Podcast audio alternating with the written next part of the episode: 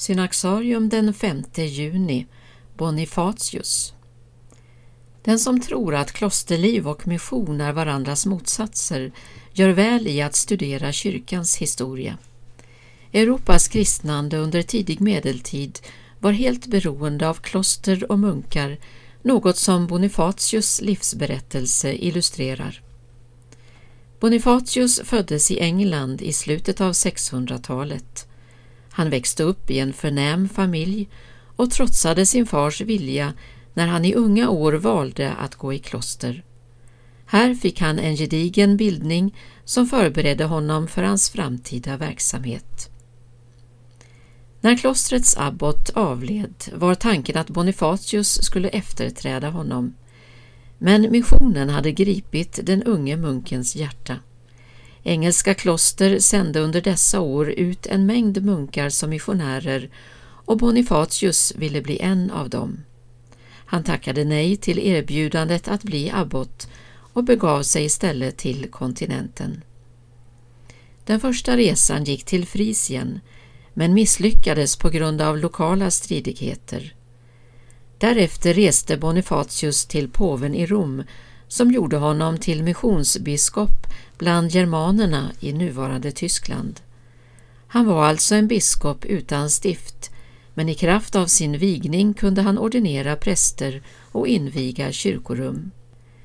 Den religion som präglade Tyskland liknade den nordiska asatron. Bonifatius bestämde sig för att konfrontera den och sökte upp den ek som tjänade som traktens helgedom. Inför det samlade folket började han hugga ner den samtidigt som han uppmanade de hedniska gudarna att stoppa honom om de var verkliga. Istället kom en kraftig vind och fällde eken strax efter att han börjat hugga. Folk häpnade och lät döpa sig. Bonifatius använde virket från den fällda eken till att bygga en kyrka på platsen.